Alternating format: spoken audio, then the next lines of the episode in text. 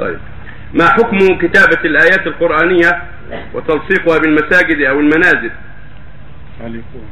ما ينبغي ما ينبغي. أقل الأحوال الكراهة لأنه يشغل المصلين ويؤذيهم ويشوش عليهم. والمساجد ينبغي أن تكون سليمة من هذه الأشياء حتى لا يتشوش المصلون بالقراءات والكتابات والرسوم التي في الجدران نعم. حتى في المنازل. المداخل يا شيخ. المنزل أسهل لكن المساجد هي التي ينبغي تنزيهها من هذا لئلا تشغل المصلين.